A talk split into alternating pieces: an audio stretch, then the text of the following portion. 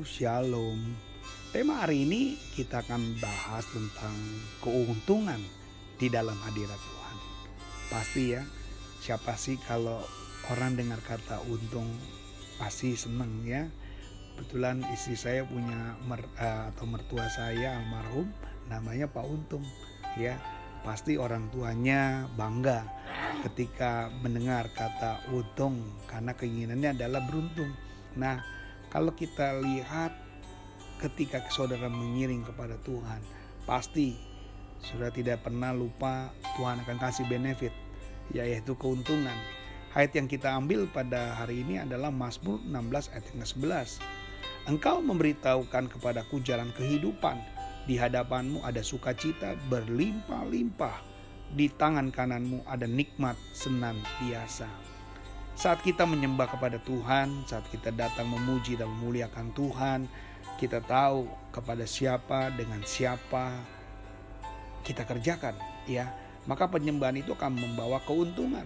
Kalau saudara menyembah hanya untuk dirimu sendiri kau menyembah untuk dilihat orang lain engkau menyembah karena engkau dibayar engkau menyembah karena engkau uh, merasa ada sesuatu yang memerintahkan engkau hasilnya pasti berbeda.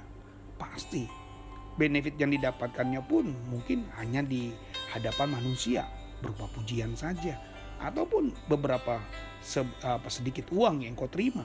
Tetapi kenikmatan atau keuntungan yang engkau dapatkan kalau engkau menyembah tahu engkau tahu menyembah kepada Allah engkau memuji Tuhan kepada Tuhan maka benefitnya itu besar sekali saudara. Kenapa saya katakan besar? Karena benefit yang kasih adalah sang sumber berkat dia yang memiliki berkat-berkat itu untuk saudara peroleh Masa kan saudara tidak dapatkan benefit ketika engkau menyenangkan hati Tuhan? Banyak kali orang merasa ngapain kita menyembah kepada Tuhan? Apa yang kita dapatkan? Apa keuntungan apa yang kita dapatkan? Salah. Saudara belum mengalaminya. Ingat kalau saudara sudah mengalami setiap siapa pun yang ada dalam hadirat Allah pasti mendapatkan keuntungan saudara. Tuhan gak suka untuk merugikan manusia, nggak akan ada. Dia sudah berjanji dia tidak akan pernah berhutang dengan kita. Jadi apa yang saja yang kau lakukan Tuhan pasti bayar. Asalkan sekali lagi kau harus sungguh-sungguh, kau harus tulus hati melakukan segala sesuatu pekerjaan. Jadilah pelayan-pelayan Tuhan yang sungguh-sungguh, jadi anak-anak Tuhan, jemaat Tuhan yang sungguh-sungguh, jadi pendeta yang sungguh-sungguh, jadi hamba-hamba Tuhan yang sungguh-sungguh, jadi gembala yang sungguh-sungguh. Ini dibutuhkan. Karena apa? Ada benefit, ada keuntungan. Lalu pertanyaannya, keuntungan apa sih Pak? Pak Yoel yang kita dapatkan kalau kita menyembah Tuhan. Yang pertama, kita akan dapat tuntunan ilahi. Dikatakan apa? Engkau memberitahukan jalan-jalanmu. Mazmur 16 ayat 11 tadi. Dia kasih tahu.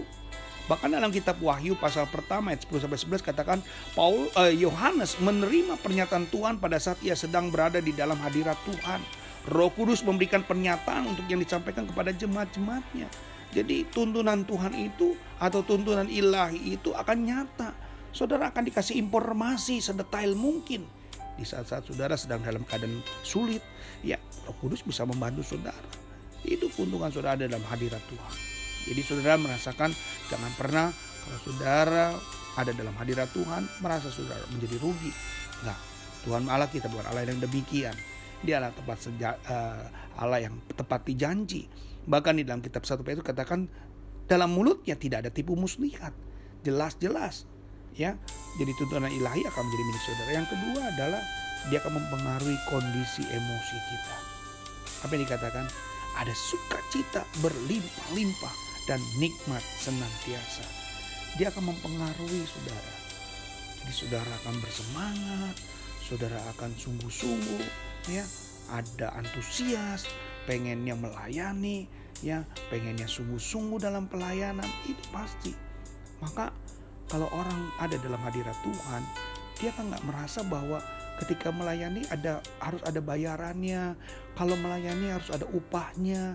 Ah, kalau melayani harus ada yang ini. Saya ingat betul ketika istri saya melayani Tuhan. Ada anak sekolah minggu yang pecahin kaca. Dia harus berani untuk rela mengeluarkan uangnya untuk menggantikan kaca harga kaca itu. Bukan salah dia. Dan anak itu hanya anak sekolah minggu lalu ada anak kecil lagi dia tidak bisa bayar uang sekolah. Dan hampir satu tahun istri saya membayarkan untuk uang sekolahnya itu. Jadi saudara-saudara perhatikan di sini bahwa ketika kita ya betul-betul ada dalam hadirat Tuhan itu emosi kita untuk terus melayani bukan cuma tenaga uang dan harta kita akan turut serta di dalam bagian itu. Itu bagian emosi saudara. Maka orang bilang kamu gila ya lagi enak-enak kerja kok kamu bisa berhenti untuk menjadi pelayan Tuhan? Ini suatu emosi yang memang terjadi saudara. Ya tapi Tuhan gak akan pernah tinggalkan loh saudara. Banyak orang yang bisa berani meninggalkan pekerjaannya bukan berarti jadi bodoh dan miskin lalu ditinggalkan Tuhan. Enggak. Ya ingat Roma 10 11 orang yang percaya tidak akan pernah dipermalukan. Ketika membantu lalu gajinya jadi berkurang. Membantu kita jadi malah nggak bisa makan apa-apa. Nggak pernah. Tuhan nggak pernah bikin emosi yang betul-betul dalam hadirat Tuhan pasti Tuhan akan lengkapi itu memang harus ada memulai seperti itu sudah lihat Sakius ketika dia percaya kepada Tuhan, emosinya keluar. Dia bilang apa? Tuhan, setengah hartaku aku akan kasih kepada orang miskin.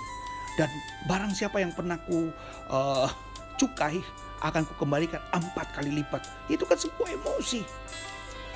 Datang dengan sendirinya. Saya percaya itu tidak akan pernah terjadi kalau Tuhan tidak bekerja. Sama yang mau meninggalkan pekerjaan, termasuk ya istri saya mengeluarkan biaya untuk anak sekolah minggunya, kalau bukan karena hadirat Tuhan dalam dirinya, nothing saudara.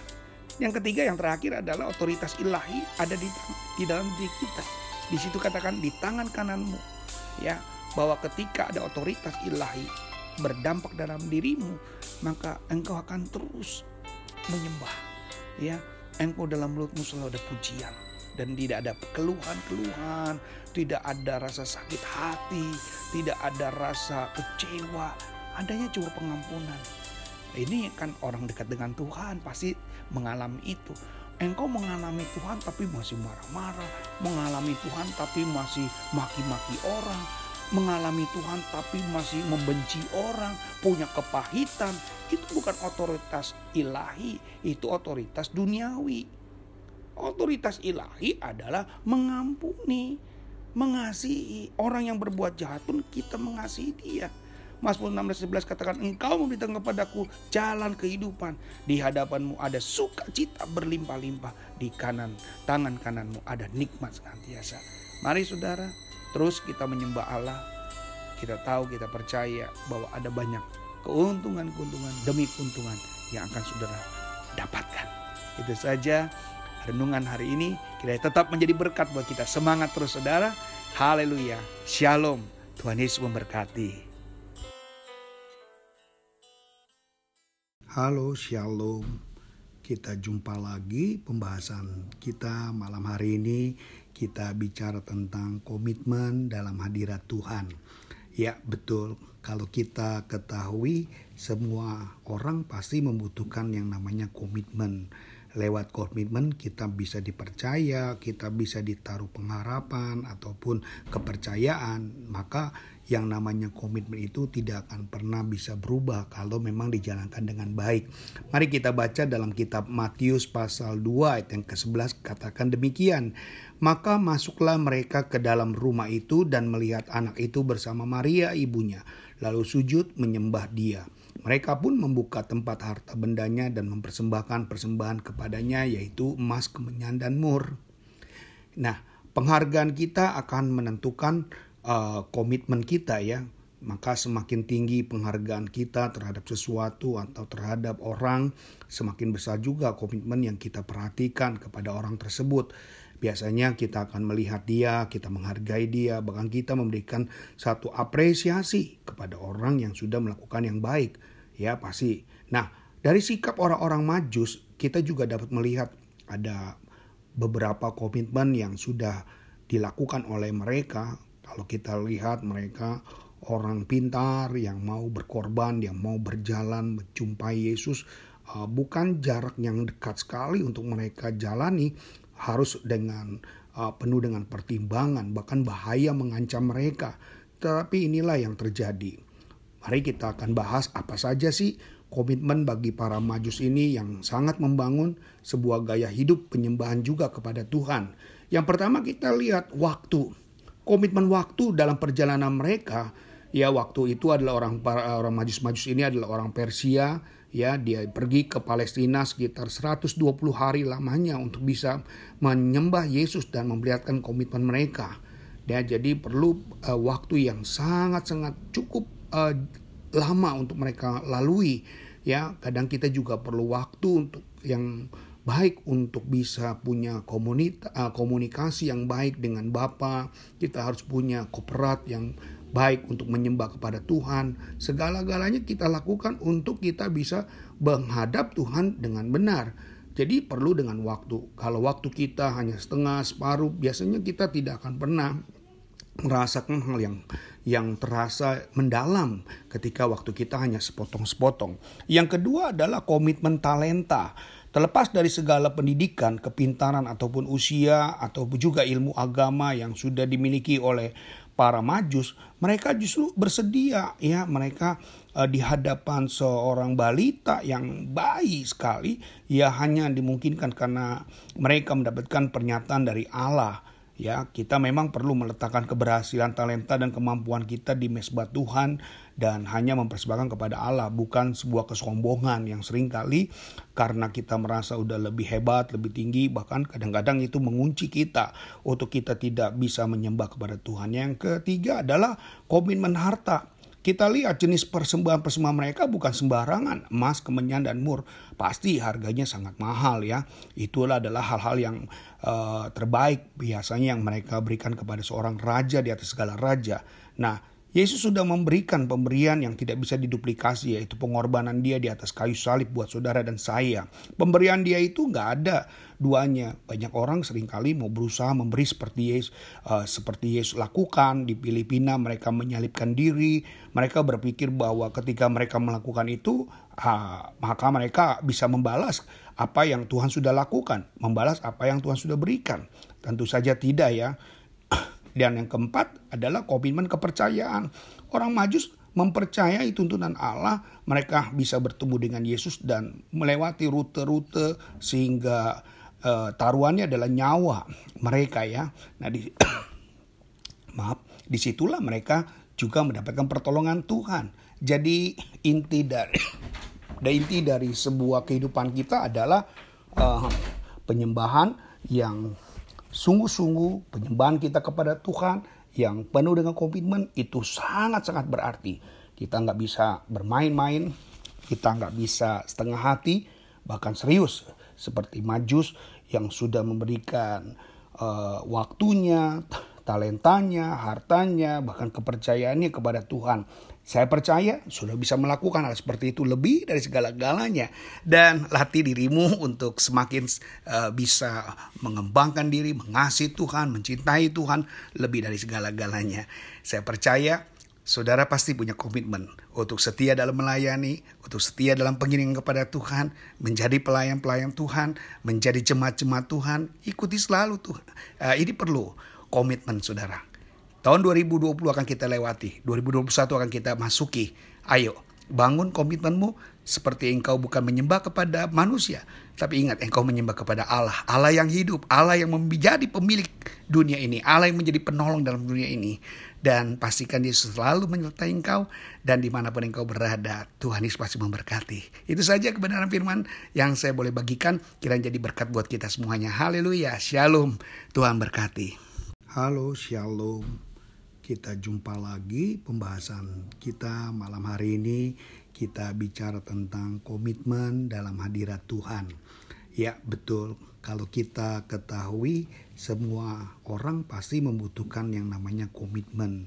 Lewat komitmen kita bisa dipercaya, kita bisa ditaruh pengharapan ataupun kepercayaan. Maka yang namanya komitmen itu tidak akan pernah bisa berubah kalau memang dijalankan dengan baik. Mari kita baca dalam kitab Matius pasal 2 ayat yang ke-11 katakan demikian. Maka masuklah mereka ke dalam rumah itu dan melihat anak itu bersama Maria ibunya. Lalu sujud menyembah dia. Mereka pun membuka tempat harta bendanya dan mempersembahkan persembahan kepadanya yaitu emas, kemenyan, dan mur. Nah, penghargaan kita akan menentukan uh, komitmen kita ya.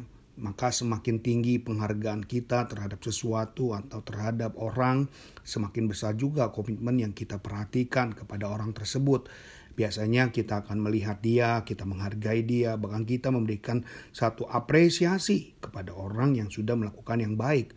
Ya, pasti. Nah, dari sikap orang-orang Majus, kita juga dapat melihat ada beberapa komitmen yang sudah dilakukan oleh mereka. Kalau kita lihat mereka orang pintar yang mau berkorban, yang mau berjalan menjumpai Yesus, uh, bukan jarak yang dekat sekali untuk mereka jalani, harus dengan uh, penuh dengan pertimbangan, bahkan bahaya mengancam mereka. Tapi inilah yang terjadi. Mari kita akan bahas apa saja sih komitmen bagi para majus ini yang sangat membangun sebuah gaya hidup penyembahan juga kepada Tuhan. Yang pertama kita lihat waktu. Komitmen waktu dalam perjalanan mereka. Ya waktu itu adalah orang para orang majus-majus ini adalah orang Persia.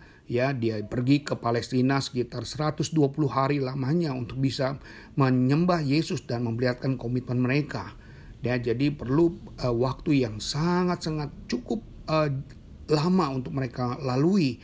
Ya kadang kita juga perlu waktu untuk yang baik untuk bisa punya komunita, uh, komunikasi yang baik dengan Bapa kita harus punya kooperat yang baik untuk menyembah kepada Tuhan. Segala-galanya kita lakukan untuk kita bisa menghadap Tuhan dengan benar. Jadi perlu dengan waktu. Kalau waktu kita hanya setengah, separuh, biasanya kita tidak akan pernah merasakan hal yang yang terasa mendalam ketika waktu kita hanya sepotong-sepotong. Yang kedua adalah komitmen talenta. Terlepas dari segala pendidikan, kepintaran ataupun usia atau juga ilmu agama yang sudah dimiliki oleh para majus, mereka justru bersedia ya. Mereka uh, di hadapan seorang balita yang bayi sekali ya hanya dimungkinkan karena mereka mendapatkan pernyataan dari Allah ya. Kita memang perlu meletakkan keberhasilan talenta dan kemampuan kita di mesbah Tuhan dan hanya mempersembahkan kepada Allah bukan sebuah kesombongan yang sering kali karena kita merasa udah lebih hebat lebih tinggi bahkan kadang-kadang itu mengunci kita untuk kita tidak bisa menyembah kepada Tuhan yang ketiga adalah komitmen harta kita lihat jenis persembahan-persembahan mereka bukan sembarangan, emas, kemenyan, dan mur. Pasti harganya sangat mahal ya. Itulah adalah hal-hal yang uh, terbaik biasanya yang mereka berikan kepada seorang raja di atas segala raja. Nah, Yesus sudah memberikan pemberian yang tidak bisa diduplikasi yaitu pengorbanan dia di atas kayu salib buat saudara dan saya. Pemberian dia itu nggak ada duanya. Banyak orang sering kali mau berusaha memberi seperti Yesus, uh, seperti Yesus lakukan di Filipina mereka menyalibkan diri. Mereka berpikir bahwa ketika mereka melakukan itu uh, maka mereka bisa membalas apa yang Tuhan sudah lakukan, membalas apa yang Tuhan sudah berikan. Tentu saja tidak ya. Dan yang keempat adalah komitmen kepercayaan. Orang Majus mempercayai tuntunan Allah, mereka bisa bertemu dengan Yesus dan melewati rute-rute sehingga uh, taruhannya adalah nyawa mereka ya. Nah, di maaf, di situlah mereka juga mendapatkan pertolongan Tuhan. Jadi inti dari inti dari sebuah kehidupan kita adalah uh, penyembahan yang sungguh-sungguh penyembahan kita kepada Tuhan yang penuh dengan komitmen itu sangat-sangat berarti. Kita nggak bisa bermain-main, kita nggak bisa setengah hati, bahkan serius seperti Majus yang sudah memberikan uh, waktunya, talentanya, hartanya, bahkan kepercayaannya kepada Tuhan. Saya percaya sudah bisa melakukan hal seperti itu lebih dari segala-galanya dan latih dirimu untuk semakin uh, bisa mengembangkan diri, mengasihi Tuhan, mencintai Tuhan lebih dari segala-galanya. Saya percaya saudara pasti punya komitmen untuk setia dalam melayani, untuk setia dalam pengiringan kepada Tuhan, menjadi pelayan-pelayan Tuhan, menjadi jemaat-jemaat Tuhan, ikuti selalu Tuhan. Uh, ini perlu komitmen saudara. Tahun 2020 akan kita lewati, 2021 akan kita masuki.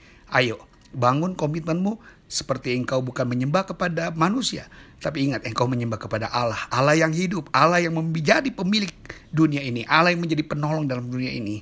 Dan pastikan Yesus selalu menyertai engkau dan di mana pun engkau berada, Tuhan Yesus pasti memberkati. Itu saja kebenaran firman yang saya boleh bagikan, kiranya jadi berkat buat kita semuanya. Haleluya, shalom, Tuhan berkati.